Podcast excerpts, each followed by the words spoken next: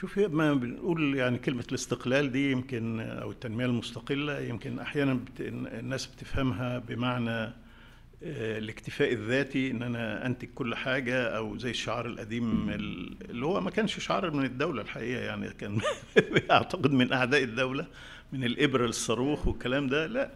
هو الفكرة يعني المسائل نسبيه الاعتماد يعني جوهر ما نسميه تنمية مستقلة وعشان كده ما استخدمتش اللفظ أنا قلت الاعتماد على الذات.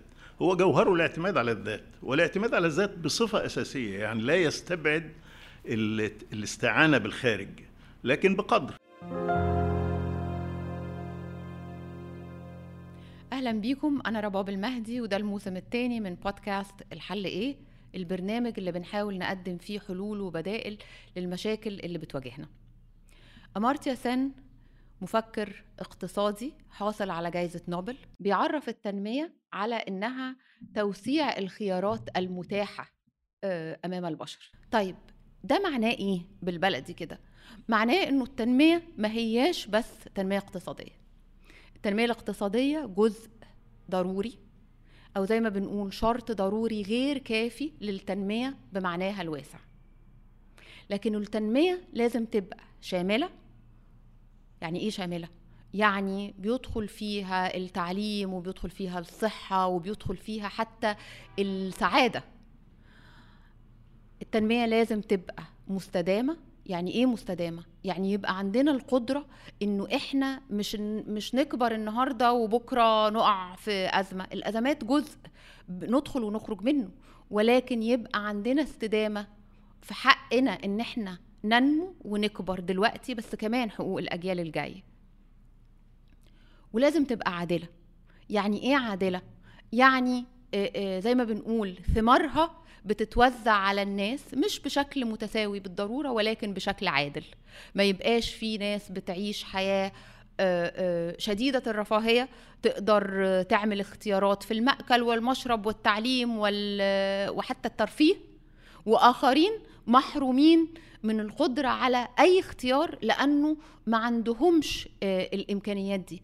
وتاني هأكد الإمكانيات ليست فقط إمكانيات اقتصادية.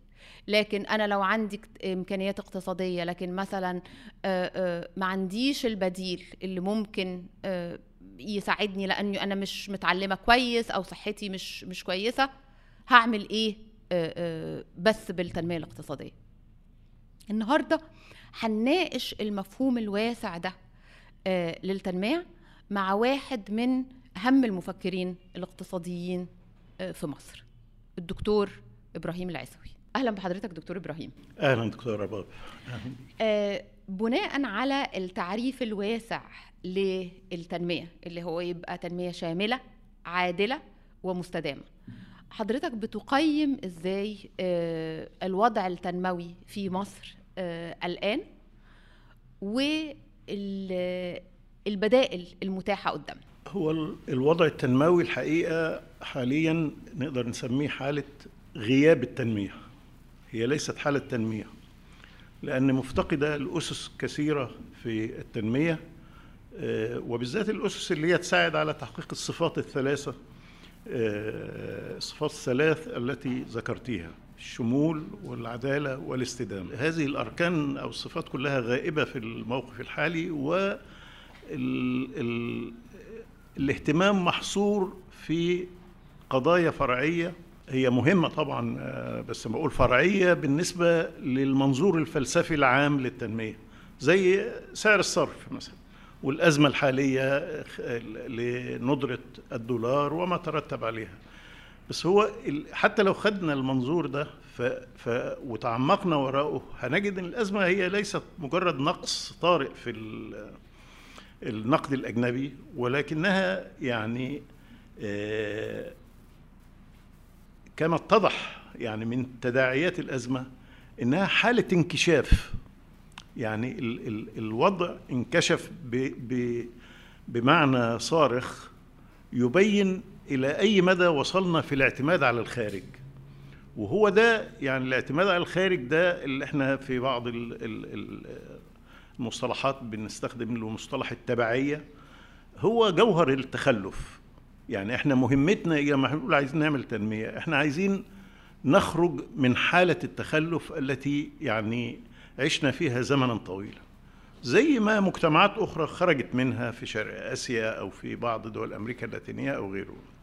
فللأسف ال ال ال ال كنا بنتكلم عن الاعتماد الخارج بشكل يعني غير مدرك حتى للعامة.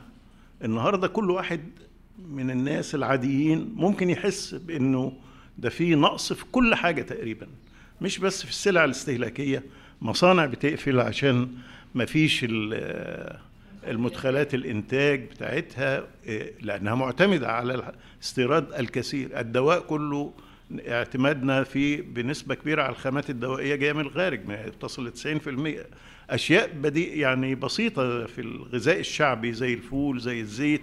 كل دي يعني درجات الاعتماد فيها على الخارج ما كانتش ظاهرة للمواطن العادي لأن الأمور كانت ماشية إلى حد ما. لكن مجرد ما جت أزمة كورونا ثم أزمة الحرب الروسية يعني كشفت الغطاء عن ما كان مستورا. هو هو ما كانش غائب. يعني وبالتالي إنه نختزل الأزمة الحالية في إنها نتيجة الكورونا أو الحرب. ده ده اختزال مخل لأنه هو يعني جذور الأزمة ممتدة ونحن نعاصر حالة أزمة تنمية بقى. مش أزمة اقتصادية. الأزمة الاقتصادية بتروح وتيجي ونحلها ونقترض قرض من الصندوق وقرض من هنا ومن هنا وتمشي. لكن في النهاية كل ده بيعمل تراكمات تعمل انسداد في المسار التنموي بعد شوية. فيعني الاختزال لأنها عايزين نحل أزمة الدولار ونلجأ لصندوق النقد عشان يساعدنا في حل المشكلة دي. ده دواء جربناه مرارا. وإحنا بقالنا نصف قرن الحقيقة. يعني السنة الجاية هيبقى مرور نصف قرن على إعلان الانفتاح في 1974 دي نفس السياسة اللي إحنا ماشيين فيها على طول وكل ما تحصل أزمة لا نفكر في تغيير المسار وإنما مستمرين فيها. وطبعا تدخلات البنك الدولي صندوق النقد الدولي هيئات المعونة الأجنبية كلها بتدفع في اتجاه إنك تستمر في الطريق ده اللي إحنا يعني بقى ما بقيناش نقول عليه الانفتاح. الاقتصاديين بقوا يقولوا توافق واشنطن أو النيو ليبراليه أو الليبرالية الاقتصادية الجديدة. هي كلها أسماء ومسميات لما يعني بدأ في 74 بما يسمى تحرير الاقتصاد تحرير الأسعار إلغاء الدعم تقليص دور الحكومة الخصخصة بعد كده إلى آخره يعني. فهذه هو ده العلة في هذا في في هذا المسار الذي يعني سرنا فيه قرابة نصف قرن. نصف قرن ده كافي جدا إن كان دولة تقدر تخرج من التخلف. وفي يعني تجارب كوريا و وتايوان وغيرها وغيرها خرجوا في وقت مشابه. وكانوا معانا على نفس المستوى في أوائل الستينات مثلا. تمام. دكتور إبراهيم عايزة أبتدي مع حضرتك من من نقطة أنت كنت بتشير ليها دايما يعني إنه إحنا بقالنا خمسين ودي حاجة أنا يعني حتى في في في عمري ودراستي شاهدتها إنه إحنا مشكلة التنمية في مصر ليست مشكلة آنية هي مشكلة ممتدة. إحنا طول الوقت بنحاول إنه إحنا نعمل قفزات ونعمل تنمية اقتصادية بس كمان ليها مردود في حاجات تانية. وفي دول اللي حضرتك بتشير ليها زي الدول زي كوريا الجنوبية وآخرين كانوا معانا في نفس المستوى وسبقونا ليه مصر دايما عندها يعني كل كل كذا سنة بنبقى بنتكلم على أزمة التنمية والبدائل المتاحة وما بنخرجش ببديل فعلا قابل للتطبيق ويخرج بينا من مسار الدول النامية اللي هي مش مش قادرة تعمل القفزات دي. هو ده يعني زي ما نقول ما كنا بنتكلم على تجاهل دروس التاريخ تاريخ التنمية في الدول حتى في الدول الصناعية القديمة يعني. وأيضا دروس التنمية في الدول الصناعية الأحدث اللي هي في شرق آسيا بالذات يعني. فبنجد إن في ملامح لهذه السياسات التي اتبعت آه، وتركيز على أشياء معينة إحنا تغافلناها. إلى حد ما كنا يعني في فترة مثلا آه، الستينات آه، الخمسينات يعني النص الثاني الخمسينات وصولا للنص الثاني من الستينات آه، نص ال- آه، نه- يعني بداية النص الثاني من الستينات قبل 67 طبعا. كان في يعني تفهم أكتر ل خلينا نقول أساسيات التنمية.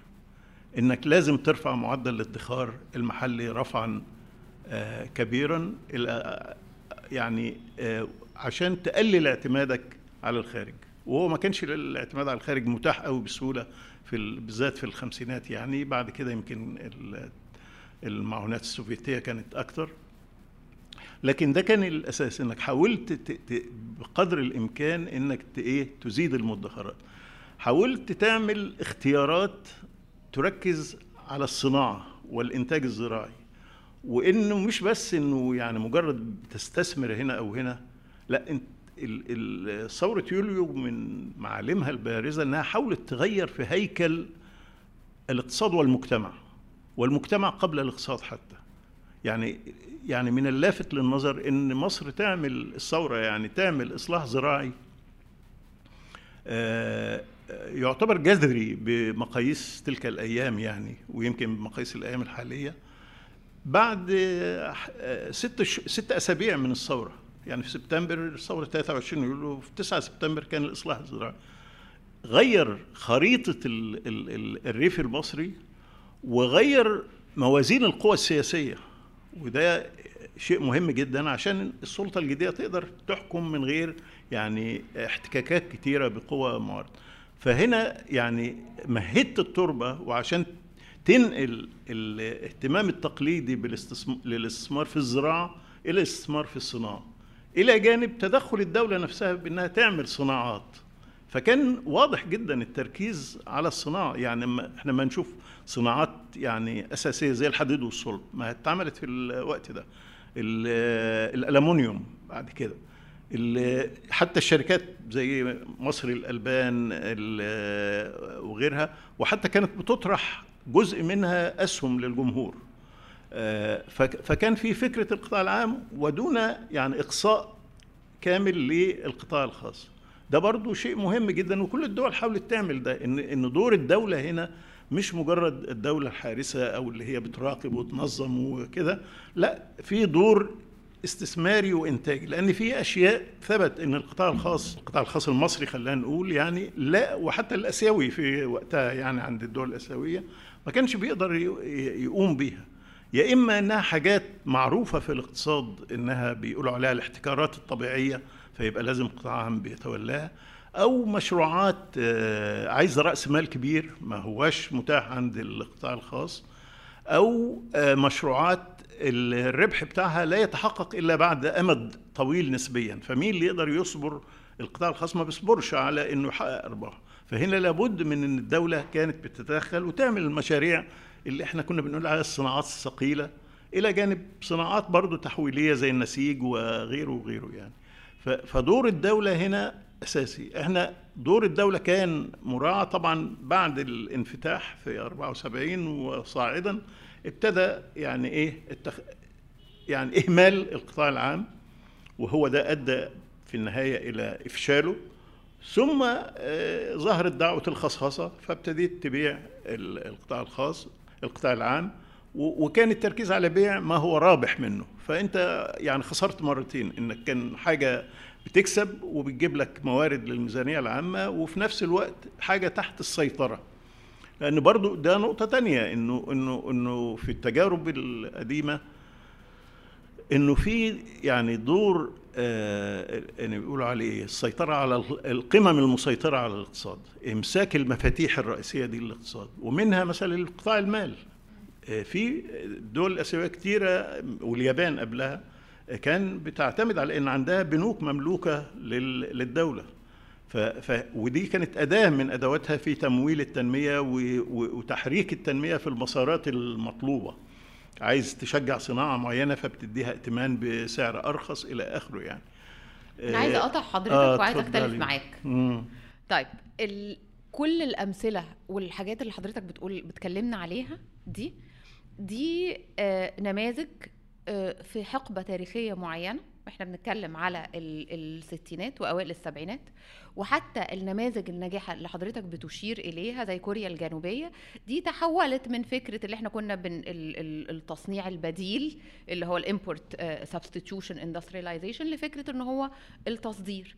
وحضرتك زي ما علمتنا إن هو في كل الحقب التاريخية بيبقى في آه، آه، قاطرة للتنمية. يعني لما إنجلترا تنمو في الثورة في وقت الثورة الصناعية بصناعة النسيج تيجي أمريكا بعدها مش هتبتدي بصناعة النسيج بتبتدي بالحديد والصلب أو السيارات تيجي بعد كده في ال في ال في الستينات أو السبعينات يبقى آه، قطاعات أخرى زي ال ال الحاجات ال ال اللي فيها مثلا إلكترونيات وكذا ودلوقتي إحنا بنتكلم على آه، حتى ناس بتقول لك إحنا عدينا فكرة البرمجيات وبقينا بنتكلم على الذكاء الصناعي. فهقول لحضرتك أنا بختلف معاك في إيه.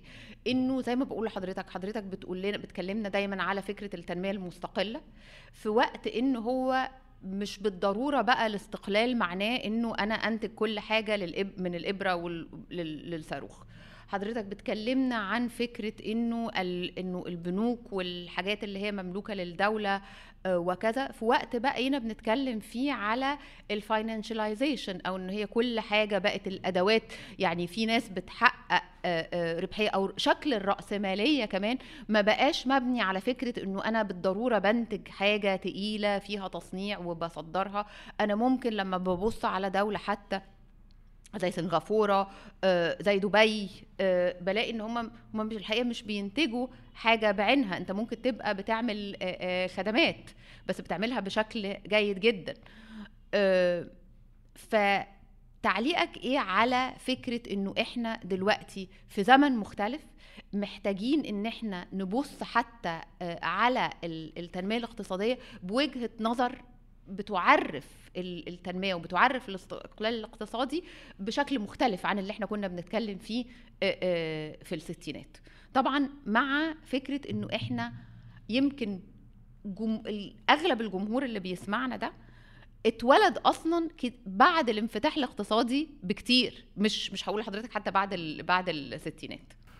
شوفي ما بنقول يعني كلمة الاستقلال دي يمكن أو التنمية المستقلة يمكن أحيانا بت... الناس بتفهمها بمعنى آه، الاكتفاء الذاتي إن أنا أنتج كل حاجة أو زي الشعار القديم ال- اللي هو ما كانش شعار من الدولة الحقيقة يعني كان أعتقد من أعداء الدولة من الابره للصاروخ والكلام ده لا. هو ال- ال- الفكرة يعني المسائل نسبيه الاعتماد يعني جوهر ما نسميه تنمية مستقلة وعشان كده ما استخدمتش اللفظ أنا قلت الاعتماد على الذات. هو جوهره الاعتماد على الذات والاعتماد على الذات بصفة أساسية يعني لا يستبعد ال- الاستعانة بالخارج لكن بقدر. يعني في فرق بين ان أنا يعني أوصل لمستوى المديونية اللي إحنا وصلنا له ده من الخارج والاعتماد على الخارج في أساسيات الطعام والملبس وال وحتى بعض المدخلات في الطرق اللي بتتعمل دلوقتي برضه بتستورد. وإن يبقى عندي لا يعني هيكل صناعي أكثر تكاملا بقول أكثر تكاملا مش هينتج كل حاجة لكن يبقى فيه الأساسيات. حتى لما تحصل أزمة معينة يبقى عندي خط رجعة وفي شيء محلي أقدر أعتمد عليه. آه، ال- العولمة والأمولة والكلام ده كله إحنا هنا دي دي صيحات ليست من إنتاجنا. ولا تتلائم مع طبيعة المرحلة اللي إحنا عايزين نعملها اللي هي إن إحنا نخرج من التخلف. الخروج من هو هو ده التحدي الأساسي الخروج من التخلف. الخروج من التخلف مش هيجي بالاموله ولا بالعم ولا بالعولمة اللي هي إنك أفتح الأبواب على ال- البحر زي ما بنقول عشان الاستثمار الأجنبي يجي وعشان المصانع أجنبية تيجي تعمل عندي هنا مصانع زي ما بنشوف في بعض الدول. الدول دي يعني خلينا ناخد مثال الصين مثلا. هي الصين ما ما ما انفتحتش بالطريقة اللي إحنا انفتحنا بيها. هي انفتحت بشكل محدود في الحدود في السواحل الشرقية عندها وابتدت تعمل مناطق صناعية آه، يعني جاذبة للاستثمار الأجنبي وبدرجات متفاوته وفي نفس الوقت لم تهمل التنمية الذاتية إن هي يبقى عندها هيكل صناعي وصناعات وأهم من من إن يبقى عندها صناعات يبقى عندها تعليم جيد وبحث علمي وتطوير تكنولوجي جيد. ف ف وهم ودي برضو من الركائز اللي هي غايبة عندنا وبتخلينا دايما نبص لبره. عايزين آه، في في التعليم نجيب جامعات أجنبية وكذا. مع إنه يعني ثبت إن ده مش هو الطريق ال- ال- السليم لإن أنا أخلق شباب يعني متعلمين تعليم جيد. والاعتماد على الخارج طبعا في في التمويل أبرز مظاهره. ال- الاستثمار الأجنبي المباشر اللي هو جاي يعمل مشروعات إنتاجية في البلد ما زال بيدور في نفس الدايرة القديمة اللي هي دايرة إيه؟ الموارد الطبيعية البترول والغاز وكده أكتر الاستثمارات بتيجي لهذا. الجزء اللي بيروح الصناعة قليل آه، جدا. ف... فمش ده النمط اللي هو هيخلق لك تنمية. وأنت أحيانا ممكن نتطور في أشياء تزيد من تبعيتنا. ده, ده مش معناه انها ما تتعملش إنما تتعمل بطريقة مختلفة. هديك مثال. يعني إحنا في السنوات الأخيرة اتعمل مشروع يعني يقال عليه أكبر مشروع في العالم للطاقة الشمسية في أسوان في بنبان. المشروع ده كل مكوناته مستوردة. يعني أنت عايز تعمل طاقة شمسية آه مورد ده شيء اتجاه جميل جدا ويمشي مع تغير المناخ والحاجات التانية. لكن إن ع- كان عندك فرصة لكن نتيجة الاستعجال أهمل أهملتها. وده مش كلامي بس ده كلام ناس شغالين أيضا في ال- الصناعات الإلكترونية وصناعات آه، ومعاهد الإلكترونيات والهيئة العربية للتصنيع وغيره. في خبراء قالوا يعني دي كان فرصة إن أنا أبدأ المشروع ده لكن فيه يبقى له مكون محلي مهم. ما اعتمدش فيه على ان أنا بستورد الألواح الطاقة الشمسية والخلايا وكل حاجة من بره ويا دوبك بعمل شوية حاجات بسيطة جدا. أرجع تاني لعنوان البودكاست بتاع بتاعنا الحل إيه حضرتك قلت أول حاجة في التنمية الاقتصادية من من ضمن الحلول إنه إحنا دايما نحاول إنه يبقى وإحنا بنعمل آه، آه، أي حاجة تحسين في الخدمات أو آه، أو اتجاه مختلف أو مشاريع إنه دايما يبقى فيه مدخل إحنا بن بنصنعه. إيه تاني؟ لا خلينا نقول يعني ال ال ال إحنا يعني أنا ذكرت في الأول إن المشكلة في إنه المسار ال- الذي نسير فيه ثبت فشله. اللي هو المسار تحرير الاقتصاد ووصف التوافق واشنطن دي اللي فيها آه، يعني حاجات منافية حتى لما كانت تفعله الدول اللي نجحت. ما فيش دولة عملت يعني آه، تنمية وهي سايبة سعر الصرف حر كده وتعمل صرافة وتعمل حاجات من دي. دائما كان في نظم للتحكم آه، في النقد الأجنبي عشان تقدر الموارد ال- المحدودة منه تستخدمها أفضل استخدام. وبالمناسبة هنا يعني ده مش معناه إنه آه، كل حاجة تتجه للإحلال محل الواردات ولكن آه، دول سياستين متكاملتين. يعني الإحلال مع محل الواردات يتكامل مع سياسة تشجيع الصادرات. والصادرات هتيجي بقدر ما تقدري تزيدي المصنوعات المحلية و- والإنتاج الزراعي طبعا يعني التصدير منه. ف ف ال... ال... ال... برضه ما حدش كان بيسيب سعر الفايدة كده حر. كل يعني الدول كانت تتدخل تدخلات وده مسجل ومرصود يعني.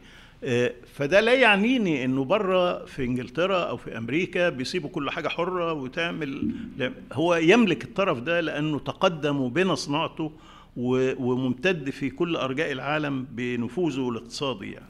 إحنا آه، ما زلنا هنا يعني مش عايز أقول آه،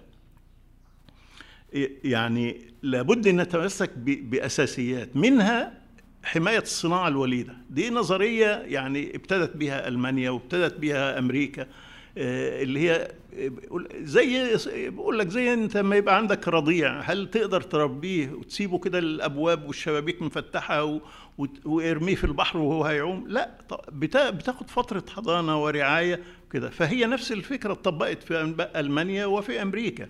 وقت نهضتهم الصناعية إن هم بيعمل ده إزاي؟ بيعمل نوع من الحماية ضد يعني بيقلل الواردات أو بيمنعها لفترة آه، أو بيغلي الر- الرسوم الجمركية. يعني ايا كانت الطريقة بيحد من المنافسة الأجنبية لفترة عشان تبقى حماية ذكية وليس إحنا للأسف يعني في فترات طبقنا ما أسميه حماية غبية. بمعنى إيه؟ إنك أنت بتدي الحماية لأماد طويلة. بدون بدون نهاية. ما بتقولش للمصنع مثلا اللي انت غزل أو نسيج إنه بعد خمس سنين ال- ال- الحماية دي هتنحسر أو تنخفض 50% أو كذا. بعد خمس سنين أنا عايزك تكون صدرت 10% من إنتاجك. تكون عملت تحسين في الإدارة وفي التكنولوجيا. يعني هي الحماية هنا مش في حد ذاتها حل. ده هي فرصة عشان تنفذ برامج للارتقاء بأداء الوحدات الصناعية إداريا وفنيا وتكنولوجيا إلى آخره ف- فإنما لو استمرت بدون هذه الشروط والتوقيت هتبقى ستار لعدم الكفاءة. طب دي نقطة مهمة لأنه إحنا ت- سواء التحكم في سعر الصرف أو آه، فكرة آه، آه، حماية الصناعات الوطنية دول سياستين مصر طبقتهم لعقود. بس يمكن الفرق في اللي حضرتك بتطرحه النهاردة هو إن إحنا محتاجين نطبقهم بشكل ذكي. بالمحددات اللي حضرتك قلت عليها إن هو مش مش مش بشكل كده واسع ويسمح بالفساد لأنه ده حاجة حصلت إنه في ناس كتير استغلت ده علشان تنتج حاجات هي غير قابلة للتصدير وما فيها ما فيهاش أي ميزات تنافسية. طيب عايزة أكلم حضرتك على النهارده حضرتك لما بتقول البديل الأفضل للتنمية وده جزء من عناوين آه، كتب حضرتك. آه، لو تقول لنا كده في نقاط آه، محددة البديل الأفضل للتنمية لمصر بشكل واسع لازم يكون موجود فيه إيه؟ ال- البديل الأفضل له ست عناصر. هذكرهم يعني دون استفاضة يعني في كل واحد بس يعني تلميح كده عن آه، بعض الحاجات اللي تبرز أهمية ال- العنصر يعني. أول عنصر آه، آه، إحنا خلينا نقول الاسم ده إيه؟ اسمه التنمية المعتمدة على الذات بشكل رئيسي. واللي هي لا بتستوع تستبعد لا التعاون مع الخارج ولا تستبعد القطاع الخاص من النشاط الاقتصادي. أول ركيزة أو عنصر هو النهوض بالقدرات البشرية والادخارية. والبشريه يعني إيه؟ يعني تعليم وصحة وبحث علمي والادخار هنا ده مصدر تمويل الاستثمارات فمش ممكن بلد تعمل آه، يعني تنمية بقدر معقول وهي عندها معدل الادخار زي ما هو عندنا دلوقتي خمسة ونص في المية طب أنا دي هتشرحها بس معلش للناس معدل الادخار لأنه أول حاجة ال- الشخص اللي بيسمعنا هيقول لك إحنا لو مش لاقيين ناكل هندخر إيه؟ يعني أنا بصرف كل اللي جاي لي. فالادخار ده يعني البني آدم يحوش أكتر إزاي وهو ما ما ما, ما بيتحصلش على حاجة يحوشها.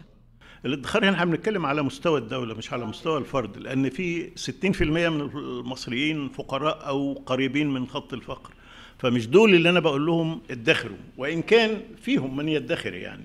آه، وحتى الفقراء يعني لأنهم عارفين قدامهم مطالب مستقبلية فبقدر الإمكان بيشوفوا حلول. بس مش دول الطبقة اللي أنا متوقع منهم بالادخار الادخار هيجي من ال- القطاع الخاص ال- الكبير ومن الحكومة. آه للأسف الحكومة دايما في حالة عجز فده ادخار سالب بالنسبة لنا بنقول عليه ادخار سالب. القطاع الخاص بيدخر لكن مش بالقدر الكافي. و- وللأسف السياسات لا تساعد على رفع معدل الادخار. إيه، السياسات بمعنى إيه؟ يعني إحنا لو نظرنا لو قارنا الوضع ال- الحالي بوضعنا من خلينا نقول من 8 سنين سبع سنين ونقارن عدد المولات اللي مفتوحة في بلد زي القاهرة ناهيك عن إنها موجودة في المحافظات برضو دلوقتي. مولات بتعمل إيه؟ بتبيع حاجات. ممكن حاجات نستغني عنها بمنتهى البساطة. والاهتمام بالعنصر البشري اللي هو تعليم وصحة وبحث علمي بالدرجة يعني بدرجة كبيرة يعني. الحاجات دي مهملة اتنين ام- تفعيل ما أسميه مقومات الدولة التنموية. الدولة التنموية والتخطيط القومي الشامل. دول حاجتين أربطهم ببعض كده. الدولة التنموية هي يعني الدولة اللي لها دور يعني أكثر مباشرة في عملية التنمية. يعني لا تقتصر على أداء الخدمات العامة التعليم والصحة وبتاع وإن كان ده مش متوفر بالقدر الكافي ولكن بتدخل في مجال الاستثمار الإنتاجي اللي إحنا ذكرنا أمثلة ليه في من شوية يعني. الصناعات اللي هي ثقيلة صناعات عايزة استثمارات كبيرة فيها المخاطر عالية إلى آخره يعني. ومحاولة أيضا مش بس كده محاولة استكمال الهيكل الاقتصادي. يعني إذا كان في فجوة معينة ناقصة في صناعة معينة فهنا الدولة ممكن بتدخل بتسد هذه الفجوة. وإنها ما تمشيش بطريقة عشوائية. لابد من التخطيط عشان نراعي بقى الحاجتين اللي قلناهم في الأول الأولويات ودراسات الجدوى. فإذا ده العنصر الثاني المهم. آه العنصر الثالث آه برضو بجمع بين حاجتين فيه بين الديمقراطية أو الديمقراطية التشاركية والتوزيع العادل للثروة. لأن الحاجتين لابد إن هم يمشوا مع بعض أو بيساعدوا بعض لو فده عشان يبقى عندك يعني آه إمكانية تصحيح المسار اولا مع مع الحريات وكده تقدري تنتقدي وضع خاطئ وتحصل محاولات الصحيح. التوزيع العادل للثروة لأن هو ده اللي هيخلي التنمية لصالح الفئات الأكثر احتياجا. لو هي مش كده أو هنسيب المنطق للسوق هو يعمل كل حاجة السوق هيتجه للطبقات الغنية لأن هي اللي معاها قوة شرائية وتقدر تشتري عايزة حاجات معينة هيوفرها لها السوق. فاذا عشان كده بنقول السوق مش هو المعيار. السوق مش هو المعيار. آه العنصر الرابع أنا بسميه انضباط علاقات الاقتصاد الوطني بالخارج. انضباط علاقات الاقتصاد ما هواش الانعزال عن الخارج. لكن هنا آه يعني المهم في الموضوع ده إيه؟ في نظريات تروج لينا كثيرا وهي في رأيي خاطئة إن بيقول لك يعني حرر الاقتصاد وحرر التجارة الخارجية بتاعتك وده هيفتح باب التنمية قدامك. التجارب كتيرة بتثبت العكس بتثبت إن التنمية هي اللي بتنمي التجارة بعد كده. لأن عندك ما تتاجر به إنما لو أنت إنتاجك قليل وكده هت هت هتعمل إيه في ما هو جزء معلش يعني نتطرق برضو للأزمة الحالية إنك أنت بنقول تخفيض سعر الصرف كأن ده يعني هدف في حد ذاته.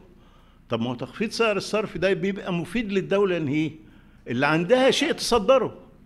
يعني إحنا في باستثناء السياحة يعني وقناة السويس دي حاجات يعني ممكن تتشجع مع تخفيض سعر الصرف لكن الإنتاج الزراعي والصناعي هيعاني وفي نفس الوقت أنت بتغلي الواردات بتاعتك وأنت بتقول أنا معتمد على الخارج بدرجة كبيرة فهتكاليف إنتاجك هتزيد تنافسيتك هتقل. فاذا الموضوع مش يعني عشان كده كل يعني تقريبا كل الدول اللي سبقتنا وقت مرحلة الخروج من التخلف دي كانت بتعمل إيه؟ نظم بيسموها الرقابة على الصرف. طبعا ده يبقى كفر لما نذكره دلوقتي لصناع السياسة النقدية يعني. إنما ده هو كان السبيل إنك أنت الموارد المحدودة من النقد الأجنبي بتديها أولويات للتصرف فيها حسب ال ال ال السياسة العامة للدولة. إنها عايزة تشجع صناعات معينة عايزة تقلل وارد إلى وهنا بنرجع للنقطة اللي حضرتك كنت بتشير ليها اللي هو التخطيط الأشمل. يعني حتى لو في موارد قليلة إزاي نحسن استخدام الموارد دي؟ وتركيزنا يمكن على بدل اللي هي المساواة في في الفقر والقلة تبقى المساواة في الرخاء. إن إحنا نكتر الموارد دي ونوزعها بدل ما تبقى موارد محدودة. كمان. صحيح. فيعني النقطة دي أنا بقول فيها كلمة يعني معينة كده يعني كشعار إنه التحرير قبل التمكين خطر عظيم. التحرير الاقتصاد وتحرير التجارة الخارجية وكده أنت بتعرض نفسك لمخاطر زيادة الاعتماد على الخارج اللي أنت أساسا هي دي مشكلتك اللي أنت عايز تخلص منها يعني. فالأول ننمي وبقول يعني خلينا ناخد تجربة الصين. الصين لم تنفتح على الخارج والطالب بقى بانها تغزو أسواق العالم وبالتالي تروح تلتحق بمنظمة التجارة العالمية إلا بعد ما تمكنت. بقى عندها اقتصاد قوي وعندها ما تصدره فبقى من مصلحتها إنها تفتح أسواق العالم قدامها عشان تقدر تصرفها. وده اللي حصل. إنما قبل كده كانت قافلة. ما ما ما يعني ماشية بحرص في فتح الاقتصاد وفي التعاملات الخارجية. النقطة الخامسة أو العنصر الخامس في الفلسفة دي آه، هي آه، يعني التعاون بين دول الجنوب. وبالنسبة لمصر طبعا التعاون عربيا وإفريقيا يعني ده الأولوية طبعا. للأسف ده برضو ركن مهمل في كل سياستنا طوال العقود الماضية. يعني ياما مضينا على اتفاقيات في منظمة الوحدة الأفريقية ثم في الاتحاد الإفريقي وبندعم استراتيجية 2063 وكل الكلام ده يتكتب على الورق. حتى عملنا في سنة 80 استراتيجية للتنمية العربية رائعة. واتحفظت في الأدراج طبعا يعني. ومشينا عكس كل ما تطالب به. فهو للأسف ده ركن مهمل وبنكتفي فيه بالقشور. أقصد إيه بالقشور؟ أقصد إن إحنا بنعمل أسهل حاجة تتعمل اللي هي إيه؟ يقول لك منطقة تجارة حرة تخفيض الجمارك بين الدول العربية تدريجيا أو بيننا وبين دول إفريقية. ما هو أنت بتحرر التجارة لو عندك أشياء تتبادلها واقتصاداتك مش متشابهة آه، مش هيسفر حاجة عن حاجة ولذلك التجارة اللي بنقول عليها البينية بين الدول العربية أو بين مصر والدول الإفريقية بتدور في نفس الفلك اللي هي فيه من آه، 40 سنة. آه، في حدود 10 12% م- إنما اللي هيعمل لك النقلة إيه؟ إنك تدخل في مشروعات تعاونية إنتاجية. نتفق مع دولتين ثلاثة مش لازم كل الدول العربية ولا حاجة ولا كل الدول الإفريقية لكن ممكن يبقى فيه الاختيار إنك عايزين نعمل مصنع مثلا للأسمنت فيبقى فيه جزء مشاركة أوروبية مش مشاركة بالأموال بس لا إحنا عايزين الدول العربية كمان يبقى عندها صناعات من دي. طبعا هنبعد عن صناعة الأسمنت والحاجات الملوثة للبيئة ده يعني كان بس مثال. مثال يعني أي صناعة يعني النسيج اللي بتا... كل ده وارد فيه تقسيم العمل بين الدول دي زي ما يعني الدول الصناعية عملت. يعني إنها ما نمت وعايزة تشغل ال- الجنوب ابتدت إيه تحط جزء من الصناعة هنا اللي خلقوا ما يسمى سلاسل القيمة دي. إن دي دولة بتعمل الحتة دي ودوله السيارة ما بقتش تصنع في دولة واحدة بقى يعملوها في 100 دولة وتتجمع في حتة يعني إلى آخره. فده منطق اقتصادي سليم يعني. لكن للأسف إحنا مركزين على جانب التجارة وليس الإنتاج. فالمدخل الإنتاجي مهم جدا لتفعيل التعامل. بس طبعا ده يتطلب توفر الإرادة من كل الأطراف. يعني مش من مصر بس. بس كمان مصر كان لها دور قائد ورائد وللأسف تنحصر فكان ممكن من خلاله ممكن تعمل ده. إحنا يعني ما ننساش انه في الستينات كان في محاولة ان مصر ويوغوسلافيا والهند تعمل طيارة. فهم دول ثلاث دول في ثلاث قارات. أيوه. بس فشلت يعني ما برضه ما أيوه لا أنا أقصد ال- ال- الفكرة طبعاً. أنت تحاول تعمل شيء يعني. في دول سبقتنا. البرازيل بتعمل طيارات. و... و... يعني هي فكرة إن هو التحالفات ما بين دول ال- الجنوب دي فكرة مطبقة والناس عملتها وعملتها بشكل أوسع من فكرة المناطق الحرة. تمام. آخر مطلب هو مراعاة متطلبات الاستدامة. وهنا الاستدامة يجب إن إحنا نفهمها بمعنى واسع جدا لا لا ينحصر في معنى الاستدامة البيئية. يعني والعلاقة بالتغير المناخ والكلام ده ده عنصر وعنصر مهم جدا لكن الاستدامة لها أبعاد اقتصادية وأبعاد اجتماعية وأبعاد مؤسسية. فمثلا ال ال ال آه، هيبقى عندي استدامة اقتصادية إزاي؟ وأنا نص الموارد بتاعتي بوظفها نص موارد الموازنة العامة بوظفها لخدمة الديون فوائد وأقساط وغيره. مش هيتوفر عندي حاجة. كل ما هعتمد على الخارج أكتر ه ه ه ه هنسف مبدأ إن إيه؟ بأمن احتياجات الجيل القادم لأنه هو بقت ال- يعني موارده مرهونة لسداد ديون. فإذا مش هتضمن له الاستدامة. آه، دكتور إبراهيم حضرتك آه، نورتنا وحطيتنا على آه، طريق فيه حلول على الأقل في آه، ست إشارات آه، يعني عدينا عليهم آه، سريعا. ممكن يبقوا مهمين لصناع القرار ممكن يبقوا مهمين كجزء من النقاش العام نختلف أو نتفق عليهم ولكن آه، هم أشياء آه، في غاية الأهمية وبتطرح آه، بدائل علينا. بده بنكون طرحنا حلول وبدائل زي ما متعودين في برنامجنا. أنا عايز أكمل بجملة بس كده صغيرة. قطعتك؟ معلش. يعني إنه إنه إنه طبعا ممكن الناس تقول طب مين اللي هينفذ الكلام ده؟ مين اللي هي فلا بد من سلطة سياسية متبنية لهذا النوع من الفلسفة التنموية أو من المسار التنموي. فاذا عشان كده زي ما بدأنا بالسياسة أنا بنهي بالسياسة إن هي القضية مرهونة هنا بإعادة ترتيب البيت من الداخل إن السلطة السياسية تتفهم حقائق التاريخ حقائق التنمية ولا تخاصم لا المنطق الاقتصادي ولا المنطق التخطيطي. ولكن في غياب هذا مش هجد يعني مجال لتطبيق هذه المبادئ.